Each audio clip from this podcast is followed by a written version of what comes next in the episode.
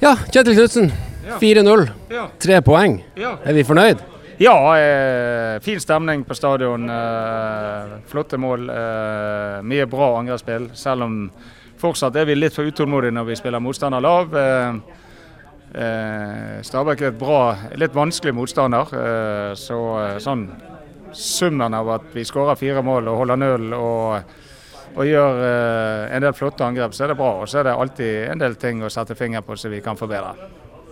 Du, Stabæk, nyopprykka lag.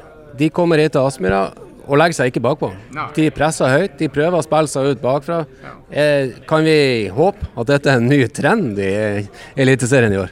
Eh, det tror jeg eh, vi ikke skal konkludere med. Men Stabæk eh, er jo veldig tydelig på at de vil bygge en egen identitet. Og jeg eh, hyller jo de som prøver det mot og i kanskje antatt vanskelige bortekamper. Det gjør at de får en retning og en utvikling på laget. og det, det, gjør i hvert fall underholdningen bedre. Eh, og så forsvarer de seg òg lavt i dag. Eh, men jeg syns de har en fin var variasjon i det. Både i, i forsvarsspillet og angrepsspillet. Så det blir i hvert fall eh, gøyere kamper å se på, tror jeg. Ja, undertegnede er helt enig i det.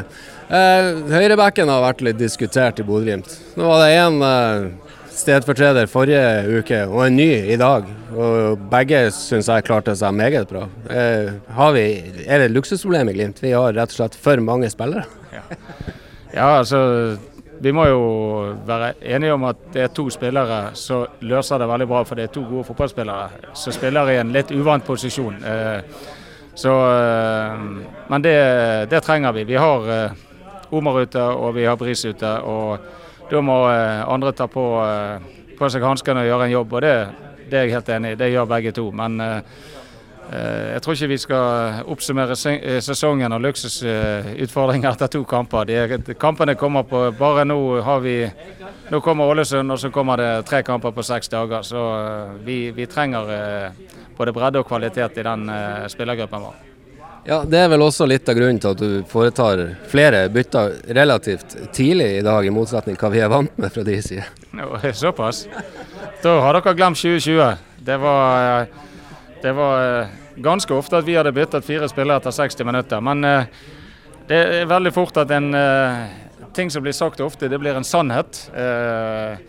Men byttene gjør vi fordi at vi prøver òg å avlaste, eh, avlaste de litt, eh, og at de som kommer inn, får litt tid. Eh, og, men det er ikke alltid du kan Du må gjøre alt det som er riktig i forhold til å skape en best mulig prestasjon og vippe kampen i, helst i ditt favør. Ja, eh, før seriestart så ble det en del baklengs. Det var et par kamper der det var litt eh, flere baklengsmål. Nå har du to på rad uten baklengs.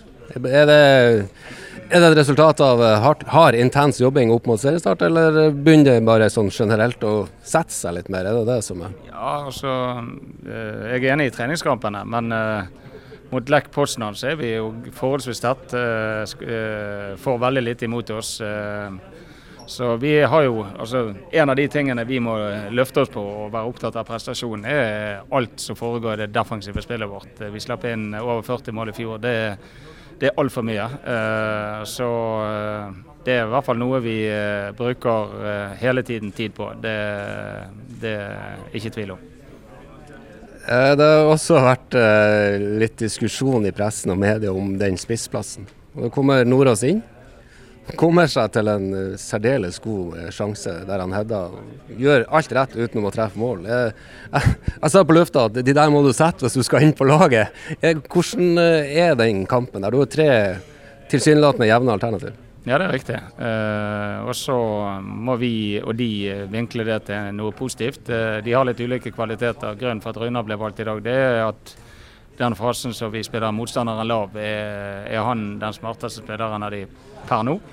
Og så ønsker vi å utvikle alle spillerne på detaljer i spillet sitt. Eh, Lasse roter litt i starten, men når du ser når han bestemmer seg for å drite i motstander og ta ballen, så blir han en, et oppspillspunkt som er ekstremt sterk. Eh, så jeg er glad for at vi har tre gode spisser, og så får de fighte hver dag for at de viser at det er de som vil få mer spilletid. Det er sånn konkurranseverden er.